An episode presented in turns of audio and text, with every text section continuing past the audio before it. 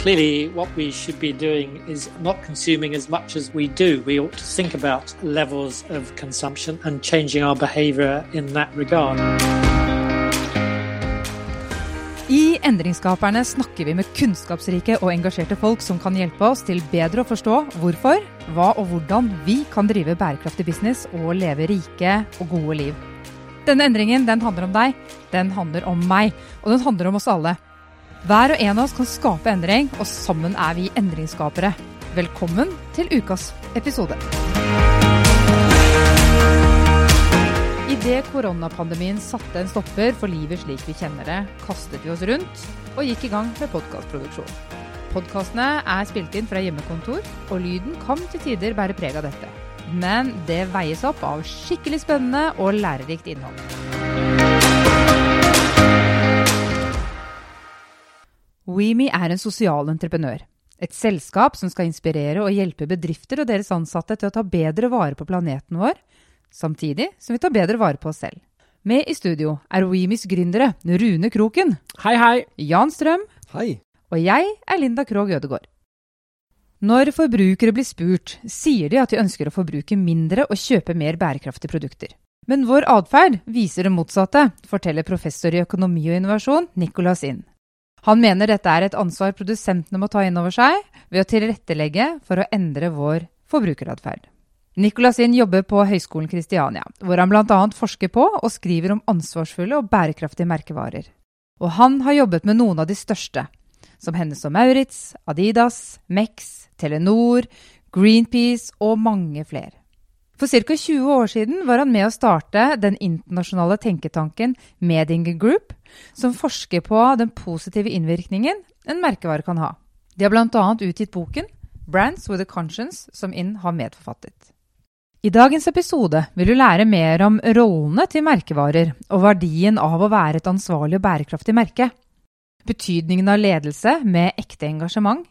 Viktigheten av å fortelle ærlige historier som skaper tillit og troverdighet rundt merkevaren, og hvorfor grønnvasking og uærlig markedsstøns vil bli gjennomskuet og avslørt. Nicholas er opprinnelig fra England og kommuniserer best på sitt eget morsmål, så resten av dette intervjuet foregår på engelsk. Let's get started. Welcome, Nicholas. We are very happy to have you with us today. And can you please start by telling us a little bit about yourself? Yeah. Well, even though uh, my Norwegian isn't very good, I understood that. So, uh, yeah, so I've been here for uh, nearly 20 years. I come from London. Um, originally, I studied English and literature and history at university, which didn't qualify me to do very much. But uh, I ended up working in advertising and then branding consultancy. And uh, sort of almost by accident, I ended up being an academic. And what I gradually became more and more interested in is how you build a sense of connectivity uh, amongst employees with the organizations that they, they work for. And that's what I began to work with after I'd done uh, an MBA. I think in advertising, when you're working with advertising campaigns, you think it's the most important thing in building a brand. Uh, and then when you stop working in advertising, you wonder, yeah, well, was that really true? And you think it's not.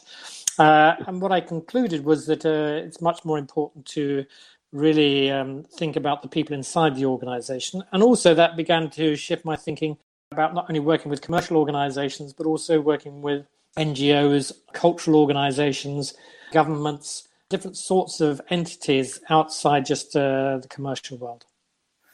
And this is interesting. Uh, what have you discovered? I, I think what I uh, actually the very first project I really did that was focused on this internal orientation was for um, an organization called VSO, which stands for Voluntary Service Overseas. So it's um, it has government funding. It's a bit like in Norway, NORAD. Mm-hmm. So uh, it works in sort of developing countries to uh, improve infrastructure. And it was interesting because the person who was the communications director there, he was newly appointed. He'd never been a communications director before. And uh, he asked me, could you deal with this issue concerned with internal communications and, and brand building? And I had never done that before either. So neither of us knew anything, which was rather a good starting point. But very much the philosophy of VSO was you have to be participative. You can't just sort of uh, decide an issue and tell people. You have to involve them, you have to engage them. So actually, what I learned through VSO, because it was a very successful project, both in sort of trying to define what they stood for as an organization and then implementing that inside the, the organization and amongst the employees. There was this very participative, involving approach to doing that. And it worked very, very, very well. And we talked about it and we wrote about it. And because of that, then UNICEF contacted us and uh, WWF, and I started to work a lot uh, then for NGOs because of that. But at the same time, we also started to work for government, for the Foreign Office in the UK, and also for commercial organisations as well.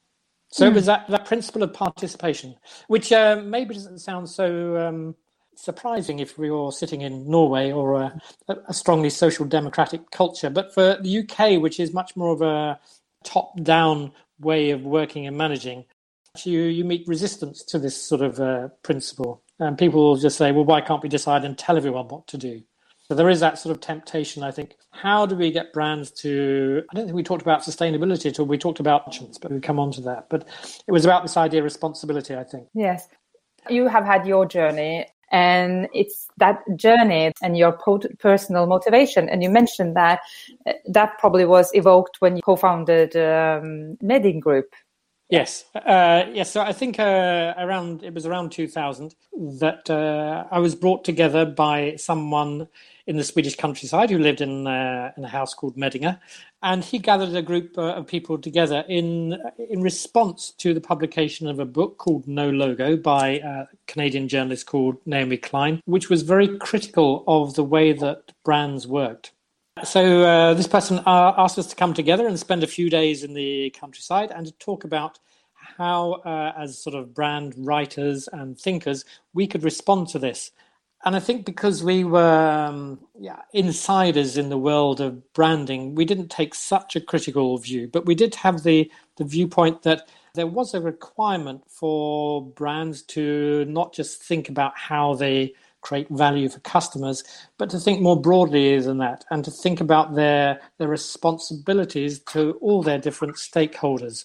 So uh, that was sort of the initial discussion. We spent a few days talking about it, and um, I think at the time we didn't talk about uh, sustainability. That sort of came later. We talked very much about brands being responsible.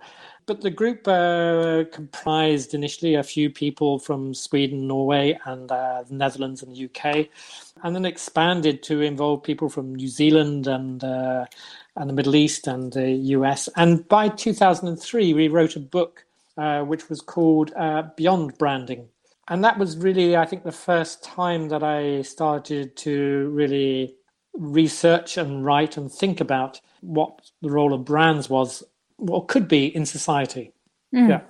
So that's where it grew from. I think uh, a sort of collective uh, feeling that emerged from these these discussions we had about the role of brands in a modern society. And then later on, you had you came with, up with the book "Brands with a Conscience" that I mentioned a bit earlier. Yeah. Uh, can you tell a little bit about what brands with a conscience mean? Yeah, uh, the brands with a conscience thing came about because as as we grew as the Meddinge group, we thought, what initiatives can we take? And we thought, what would be interesting is to actually research and better understand those organizations that do act responsibly, do think about all their stakeholders, do work together with those different stakeholders to create value, and build sort of sustainable thinking into the core of what they do. So I think they're very much organizations we would say that act on their their principles, on their beliefs, uh, and those beliefs are concerned with the well-being of all the different stakeholders, including society and the environment. And originally, Brands with a Conscience was um, an award scheme that we ran uh, yearly. Uh, as the Meddinge Group grew around, I'm not quite sure the exact date, but around 2006, we instituted um, an annual uh, awards, which we did in Paris every year. Uh, and what we did, we researched and nominated and gave a, a, brand with a conscience award to different organizations. And then we did that for a number of years. But I think we sort of ran out of steam on it after about seven or eight uh, years. And then we thought, wouldn't it be interesting to take some of those organizations and look at new ones and actually create a, a book out of it? So the book is a series of case studies written by members of the uh, Meddinge Group of these organizations that typify that uh, sort of acting in a responsible way. So how is that different when you called it responsible, and now uh, we are talking a lot about sustainability? What would you would you? Um, is there a difference? Is it the same? Can you say something about that? Yeah, it's a it's an interesting question. Uh, of course, the uh, the main sort of uh, area that is written about and researched comes under the title of sustainability. But I would also say when you read the research and the articles around this, people use different terms as well because they also use corporate social responsibility, mm. which is um, perhaps has become a, an overused and perhaps a damaged sort of uh, expression. So people use sustainability, but then there's also an issue about what that means. Uh, often they refer back when they talk about that to Brundtland report and the definition of sustainable development rather than sustainability itself. I think the difference is between the two is um, whether you can actually deliver sustainability. By which I mean Patagonia. Mm-hmm. It's a brand uh, I've well, made films about, written about, uh, been in, talked about lots of times. They, the founders of that company, uh, wrote a book called The Responsible Company, and in that book they said sustainability is uh, an idea, but it's not realizable. What we have to actually appreciate is that the best we can do is try and be responsible. So they made mm. that sort of distinction uh, and of course, it is, uh, if you're looking for a company that really does f- fulfill the merits of being a brand with a conscience, and it's one of the first ones, if not the first one, we gave an award to. Yeah, so I think they're a very good exemplar of the whole sort of uh, idea. And I would say they do think very seriously about sustainability, but they make that distinction. Is that really viable? Perhaps we have to think about responsibility as the key term. Instead of sustainability, yeah. I think. Mm. I mean, certainly that was their position. Whether that would change now, I mean, I think organizations would increasingly argue not only we can we minimize our impacts, we can create uh, positive outcomes as well. But I think Patagonia did this famous ad which uh, for Black Friday some years ago in the US, which said, "Don't buy this jacket." And it's quite an interesting sort of uh, stance because uh, the the position of uh, Patagonia is almost almost saying, "Here we are, a commercial organization, but actually don't buy our products." because if we're talking really about the principle of minimizing impacts, then we shouldn't just be buying stuff. And I remember when we were filming at Patagonia, we filmed in the uh, Barnehage, and there was a drawing there by the uh, the founder called uh, who's called Yvon Chouinard, which said um, as the caption, "The more you know, the less you need." Hmm. So it's almost an anti-consumption company, but there aren't hmm. many of many of those around. They're a rarity. Yeah. The more you know, the less you need. Yeah. Uh, that's a good saying. Uh, do you have a question, Jan? Yes, I'm thinking, you know, there are a growing number of companies, uh, and you probably know this better than, than anyone, that I would say are responsible and at the best are becoming sustainable. To your experience, you know, what makes the shift? Is it from the founders that they come from a place where they think this is important and or is it something that happens along the way? Good question. I think you can find these you can find these sort of niche organizations if we call, call them niche such as uh, patagonia uh, perhaps norrøna in norway as well. There's a brand in spain called ecoalf uh, there's a cosmetics brand called lush. And I think typically these sort of niche businesses, uh, what you can see is it's the commitment of the founders that drive it. So it's a belief system that is the dominant feeling there. In the case of Patagonia, though, that wasn't there at the beginning. It was something they began to realize over time about the importance of paying attention to it. So I think for Yvon Chouinard, the founder of Patagonia, it was something that sort of emerged into his thinking. And then they became sort of um, evangelists for a responsible way of thinking. And I think what's, uh, if you go back to Patagonia, it's sort of founded in 1958, so it's been around a long time. But back in 1996, for the first time, they wrote down what their, their sort of purpose was. And that was very clearly environmentally focused. They talk about using business to inspire and implement solutions to the environmental crisis. So I think that's interesting. Back in the mid 1990s, they were really thinking about that, and they've driven the business around that sort of uh, core principle. I think the distinction then is uh, what happens when we go to uh, larger organizations, because some uh, some researchers and writers would say uh, sustainability is typically what these small niche organizations are to do with, and what they're appealing to is that sort of a small niche of consumers who are interested in these things. So uh, it's people who are concerned about sustainability are the ones out there buying Patagonia and EcoAlf and, and Lush products. But they would say that's not really mainstream. But I do think now in the last maybe three, three, four years, a lot of mainstream businesses are now beginning to take this very seriously. So I think uh, that's happening. And why is it happening? Um, I think different stakeholders are pushing them towards it. Perhaps in the case of uh, Unilever, of course, is a very large organization. You had another evangelist, not the founder, but you had someone there in Paul Polman, the previous uh, chief executive, who really sincerely believed it and I think drove it through the company. Yes. But I think in lots of other organizations, it's um, pressure from consumers, it's employees wanting it, and I see increasingly it's investors also pushing organizations to do it. So I think there's a lot of pressures now on organizations to think about this seriously. And I would argue it makes good business sense too. But that's another argument. There were several questions. You actually answered quite a few of them. Oh, sorry. so that's awesome. But, but this uh, also very interesting that you're saying that well uh, consumers are putting the pressure on businesses um, mm. but also stakeholders. I mean even stakeholders. To continue on what you were what you just ended on saying could could you elaborate a bit on that? On the pressure from investors?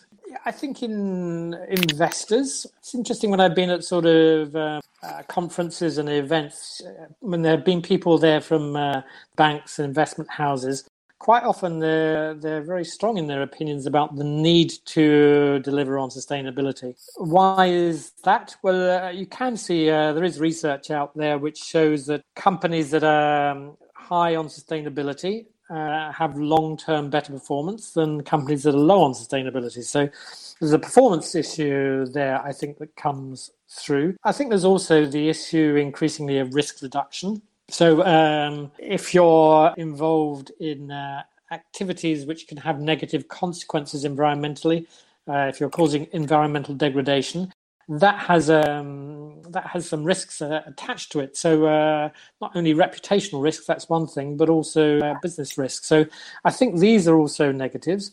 And uh, I think the whole sector, perhaps, of uh, if we looked at green technologies, has such enormous potential because consumers are wanting it. I think once upon a time it was seen as, you know, if you were going to commit to sustainability, that was a cost. And I think increasingly organizations begin to see, no, actually, this is an opportunity. Mm. Uh, if we act sustainably, we create new um, ways of doing things, um, and also we generate better results from it as well. I've seen a couple of times now, uh, which I think is interesting, job ads actually, where they advertise uh, positions for innovation and sustainability, sort of putting those two things to, together. So I think it's a real driver of innovation in organizations. Mm. Really, and you you mentioned uh, good for business. You said you mm. know th- this truly is good for business, and with your perspective on uh, and, and, background with branding, how could businesses put this together? Take on sustainability, responsibility, yeah. and branding without yes. i'm thinking you know there are a lot of unfortunately companies also that we talked about greenwashing. Yes. Branding themselves as being sustainable or uh, responsible. Yes. Uh, well just to make a point uh, and pick up on something you said there i mean i think there's a lot of uh, greenwashing that goes on. So uh, that creates a problem i think for different audiences consumers particularly but also perhaps employees and other audiences to actually know which firms are virtuous and which firms aren't. Mm. And that's sometimes quite difficult to, to see. There was an interesting example uh, in the US that some CEOs of global companies actually made a public commitment to support the Paris Agreement on climate change. And they signed an open letter to the Wall Street Journal uh, in support of it. Uh, but at the same time, many of those organizations were also part of a lobbying group which which was actually pushing the Trump administration to withdraw from it. So um, you see, they're doing one thing for sort of public consumption. That's about reputation polishing. Uh, and in reality, they're doing something completely different. And we can look at a company. Uh, there's a famous um, uh, campaign by uh, Chevron, U.S. Uh, oil uh, company, which was sort of quite interesting because they made this sort of campaign where they said it's time it's time all companies got behind the development of renewable energy as if they were a, a pioneer and supporter of the process. But actually uh, you know they've got a turnover of something like 160 billion dollars and their commitment to renewables was uh, a fund they set up with $100 million in it. So it's sort of tiny sort of commitment, but actually then blowing it up into something bigger. So I think this creates problems when we talk about brand Hmm. because uh, what are brands about? How do we know we can trust these promises? And that's the challenge. I think it's interesting in the case of Chevron, people went after them and mocked them for this campaign because it was so obviously not true. So uh, I think companies do get found out. But from a brand point of view, what I would say is one definition of a, of a there are plenty of definitions of brands, but one definition of a brand is brands that are about uh, promises. They're, they're promising us something. Yeah. So uh, I think from a brand perspective, issue is how do we know the promises are more or less true? And actually, companies also have to think that through. How do they know their promises are true? Because uh, as a brand, you can go make a promise and say, "Yeah, we're very sustainable, and we do this and we do that," and then something somewhere in the back of your supply chain gets uncovered, and you have a problem which perhaps you weren't particularly aware of. So I think the complexities of uh, supply chains and networks mean actually delivering sustainability is not always that easy to do. Uh, I did work for Adidas, for example. Adidas have uh, uh, 1,100 uh, f- independent factories around the world. So Adidas would say it's committed to sustainability. But yeah, the challenge is how do we know our 1,100 factories are really adhering to what they say they're they're doing? So it's a constant checking process. So I think one, is, one thing is making the promise. It's another is about verifying it. And I would argue there it's very valuable to have independent verification and to make sure that what what is being claimed is genuinely true. And then the second point is actually telling the story, getting across ideas that can change behaviors. So you have to bring the message to to life, I think. So one is about the truth of what you claim to actually make the, the brand story credible. And the second is to actually tell the story in a powerful way.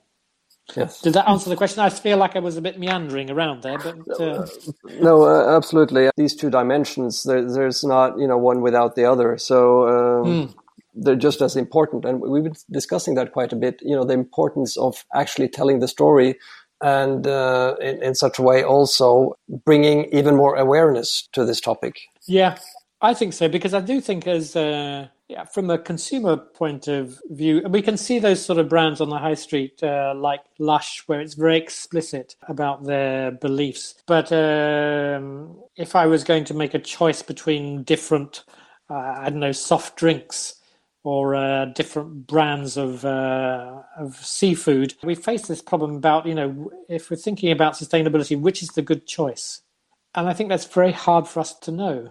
So I think organizations have to work out ways of actually getting the story across, but it has to be a, a true and credible story. I think that's also the the other point about uh, thinking about it from a brand perspective. And here I, I have a, a question because sustainable brands, I am still a little bit confused what that means.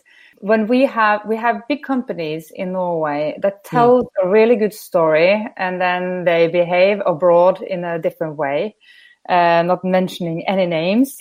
Uh, and Yeah. I'm so curious because it's all about our belief system. It all, it is all about trust, and I feel that I don't really know who I can trust. And what is a sus- sustainable brand really? I, I- I think I think get to the heart of the problem. I mean, you mentioned that word trust. Again, that's what brands uh, should be about about establishing trust. As I say, I think in some cases, uh, organizations do things further away from their corporate center, which are very questionable. And sometimes that's a, an issue of not knowing, but sometimes I think it's just a, a question of turning a, a blind eye. I think um, organizations that act in a sustainable way are genuinely thinking about it in all contexts. So they're not just thinking about what goes on in head office here in Oslo. Uh, they're thinking about what's the impact in uh, Bangladesh or in India or other countries, and how do we actually make sure we have good um, adherence to labour rights and take care of people. So it's it has to be a, universal approach, and it's not to say that companies won't fail occasionally in doing that. I mean, we've been H and M, for example, has been uh, in the news, uh, I think last year or the year before, because it was burning excess stock, and there was a documentary about it, and they were highly criticised. But uh, at the same time, they have made good commitments to sustainability and to recycling, and now they have a new chief executive, and her former role uh, was as head of sustainability. So, I think you can see in an organisation like H and M the there are there are good bits, but there are also bad bits, and uh, it's a continual struggle to try and uh, make sure that everything is as good as it can be. I think what sustainability means in this context is paying attention to the whole life cycle of things that you do. So if we are making, um, if we're Lush and we're making cosmetics, we ought to be concerned uh, about the production process about where we source our materials from, the sort of conditions that we produce it in, how we transport it, how we sell it, and what the impacts are after use. I mean, what's the value to the consumer? How is it used? And uh, then how is it recycled or disposed of thereafter? Yeah. Um, and I think once you get into the consumer usage area, that becomes complicated. One of the um, things about Unilever and Paul Polman when he set out a strategy in 2010. Uh, he said within 10 years we will double, double the size of our business but halve the impacts.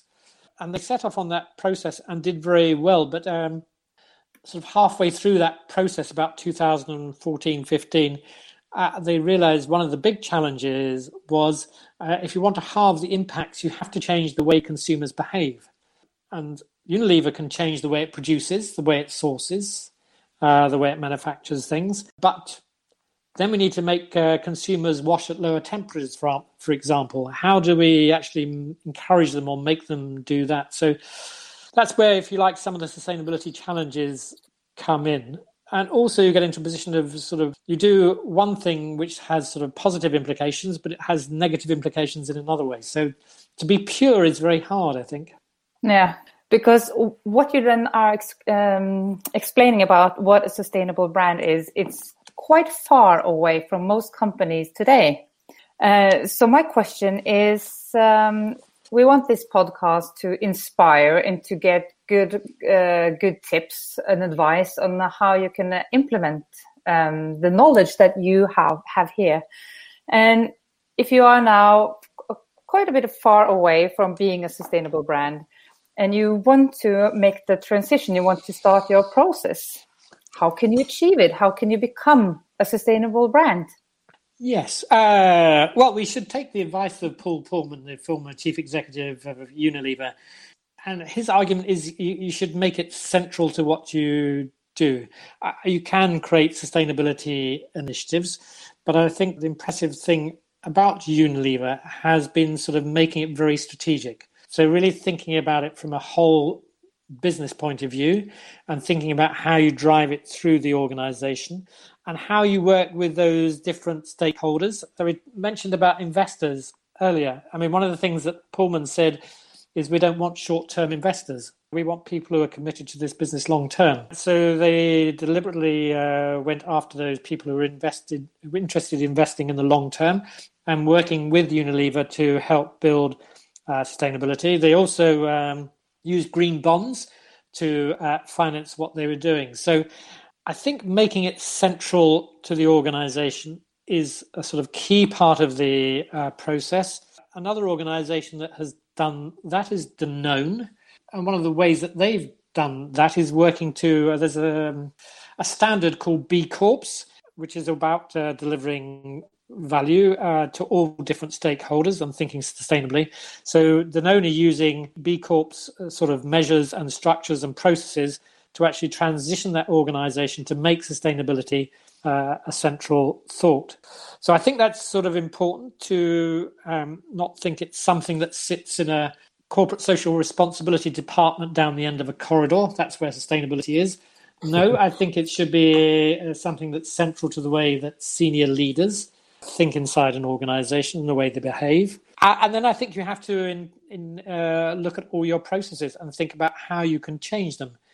Uh, and I would say, as I said earlier, I think it's very valuable there to try and verify those processes um, I've talked to organizations like SAP, German software company. I've been to see them in Silicon Valley as well last year and look at the way they are working with yeah, both small and large organizations to actually make sure that uh, what's being done is is verified and is monitored so that organizations can be confident what they're saying. DNVGL uh, here in Norway, which is also in the Brands with a Conscience book, uh, has also been doing similar things. Um, there's some nice stories about Illy Coffee and how they've worked uh, with this Italian coffee uh, brand to create uh, a green supply chain and verify that the processes are correct all the way through. So I think these sort of things you have to have uh, confidence as an organization in your processes and systems.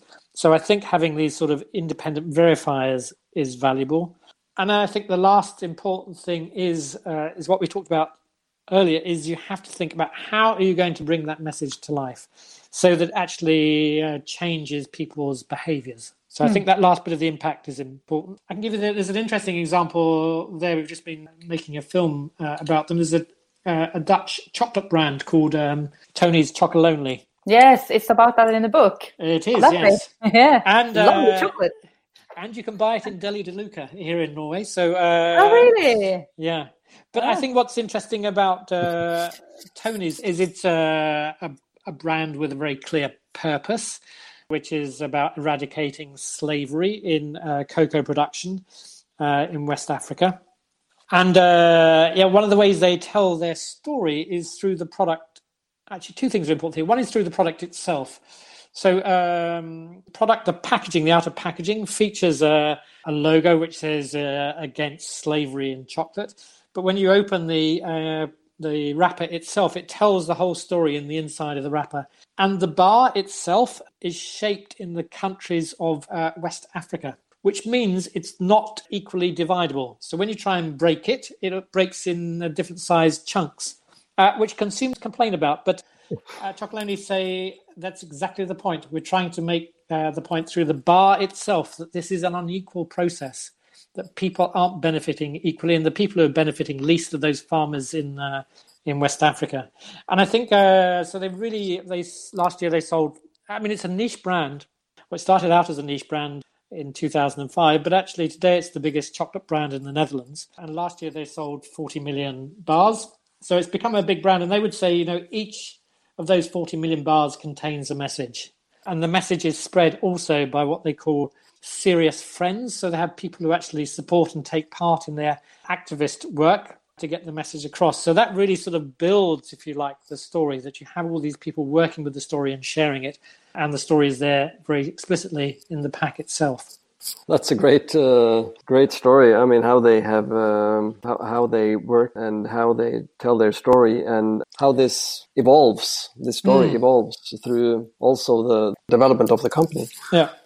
I think I would say one of the advantages they had there it was founded by uh, three um, TV journalists. So it was, I think it was quite natural for them to think about this in terms of a story. In fact, I mean, they started out, the whole thing was about a story first. They were campaigning against through and using their TV program to do that. Uh, they had a program called Food Unwrapped. And actually, also, one of the journalists, this was quite a neat move, he handed himself into the police and said, uh, I've broken the law. And they said, You know, what have you done? Uh, and he said, Well, I've eaten chocolate that was made by slaves.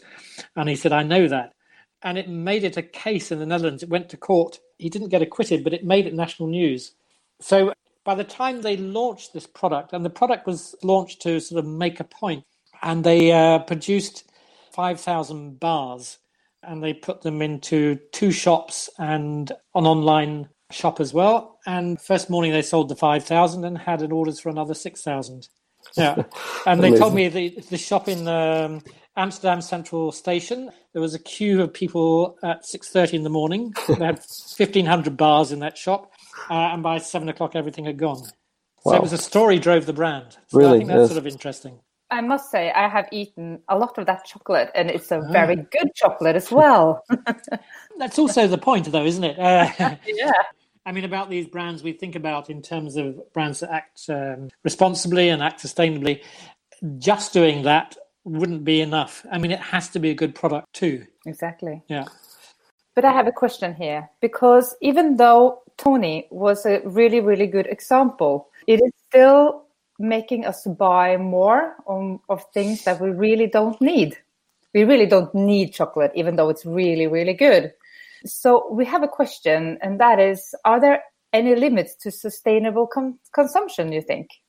Yeah, it's uh, it's a very interesting uh, sort of uh, discussion, isn't it? I mean, uh, there's um, actually there's a very nice speech that was given way back in 1968 by Robert Kennedy, and then he's talking about the obsession with GDP growth, and he says, you know, this ignores all the things that are important in the world, which is about the development of uh, our intellects and our culture and all those other things. So, I do think we have this sort of um, yeah obsession with growth uh, for its own sake, and um, I think we have to pay attention to that. Uh, and so there are very few companies out there. Patagonia is one that sort of talks about it. Uh, fashion brand uh, Vivienne Westwood also talks about it a bit. But uh, generally, what we're being encouraged to do is to buy more.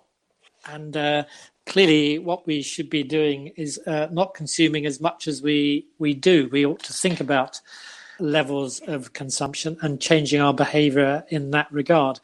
And I, I think if you look at, I mean, that's sort of maybe an inherent problem for someone like H&M that yes, they're focusing on sustainability. They're talking a lot about recycling and encouraging that sort of behavior, but it's still um, a fast fashion uh, business, and that has huge consequences in terms of re- your use of resources. So we we clearly have to think about these things.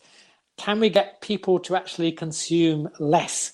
I think that's the the big challenge for organizations and if you ask consumers, you, you get this sort of um, uh, what's called behavior intention gap. So people will tell you they're going to do things. I'm going to act more responsibly, buy less uh, t-shirts from uh, fast fashion outlets, but it's not mirrored actually by their consumption behavior. So um, I think that's the ongoing challenge here is about the change of behaviors. So one thing to talk about in the report, it's the really hard thing to do is to deliver it. I think from uh, the brand's point of view, though, I mean, all that the brand do is to inform and try and tell people about the consequences of um, good and bad behavior. So, encouraging people to think about sustainability and think about the implications for the way they live their lives. So, actually, bringing behavior into their storytelling. Yes. I mean, there's one thing about communication. So, we can say, you know, you must inform people well, that's one thing, but uh, we need to move beyond just informing into actually transforming behaviors. So I think that means the stories need to be more than uh, they need to be truthful, but they need to be also uh, connect with people's emotions, and they need to be uh, persuasive. They need to change behavior. And that makes me want to to bring up uh, the situation. I mean, what's going on in the world right now with the pandemic? Many parts of the world is is literally uh, closing down. Yeah, uh, and and truly showing you know what we are capable of doing, what actions we are willing to take in order to protect ourselves. And I'm thinking, what will we learn from this when this passes by? When this goes over, we'll be back to life as normal again. What will we have learned? Will will we will this affect our consciousness, awareness, and our willingness to change our behavior in regards to a more sustainable future. What do you think? Yeah, it's the big unknown. Um, really? yeah, but, well, of course, we're all changing our behaviors right now, and that will apply as long as the uh, the threat of the the virus is here. The question is whether people revert back to old ways as soon as it, the the danger sort of diminishes or passes, or whether some of these new uh, ways of working and living actually come to be uh, adopted. It's maybe uh, one of the uh, side effects of this might be uh, production processes get more localized again. Uh, that's partly because they they can be now. I mean, if you looked at uh, Adidas, for example, I mean, uh, 20, 30 years ago, it shifted all its production out of uh, Europe and pushed it into Asia uh, because that was the cheap way to do things. But um, what they've started to do, admittedly only fairly small scale, but is to bring back production back to Europe and have speed factories and to do uh, smaller scale runs of, of, products. So it is becoming more possible. And I think what happens with um, supply chains now is, uh, for example, if you're a if you're a clothes designer and you're making clothes here in uh, in Norway or France, and uh, what you need is that zip for the clothes. Uh, perhaps that's got to come from China, and that's not going to come so easily now. So then you have to look of ways around this and yeah, design clothes in different ways that you don't need zips, or some production processes need to be localized. So I think one positive output might be that um, closeness to market becomes again a bit more important. Mm. Um, but I think uh, it's sort of difficult to see. I think there will be sort of intended consequences and unintended consequences that come out of this yes. that will be good. That's it's a whole new experience. it is, and we can. I say we can hope there is some good that comes out of it. There's a side effect. Mm. Yes, let's hope so.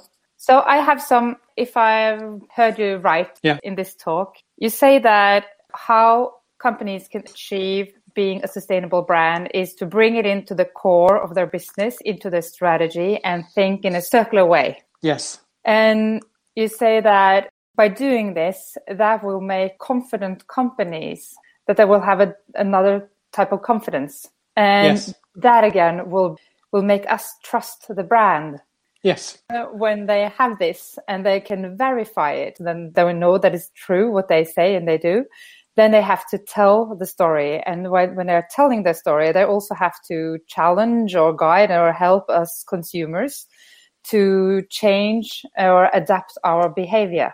Yeah, it's a yeah? good summary.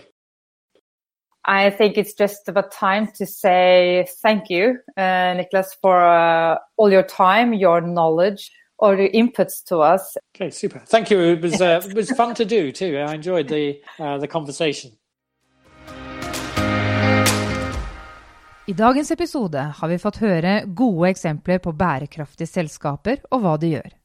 Hvordan de drives av et ekte engasjement i ledelsen, og hvordan de, ved å fortelle sine historier på en ærlig måte, skaper tillit og troverdighet rundt merkevaren, som kan påvirke vår forbrukeratferd.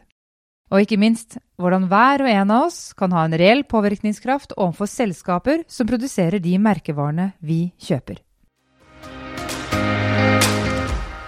Alle relevante referanser og lenker til dagens gjest finner du på nettsiden vår weme.eco slash endringsskaperne. Du kan nå oss på e-postadressen hello krøllalfa weme.eco. Her kan du gjerne sende oss tips om relevante temaer eller andre vi bør ta en prat med. Du kan selvsagt stille oss spørsmål, eller ta kontakt for en prat om hvordan vi kan hjelpe deg og din bedrift i det grønne skiftet. Likte du det du har hørt? vil vi gjerne at du deler denne podkasten med dine venner og kollegaer. I neste episode får vi besøk av professor i biologi Dag Olav Hessen. Da skal vi snakke om hans nyeste bok En verden på vippepunktet. Det vil gi oss innsikt i vårt ansvar og hva vi kan gjøre for klima og miljø. Så da gjenstår det bare å si hei så lenge og høres snart.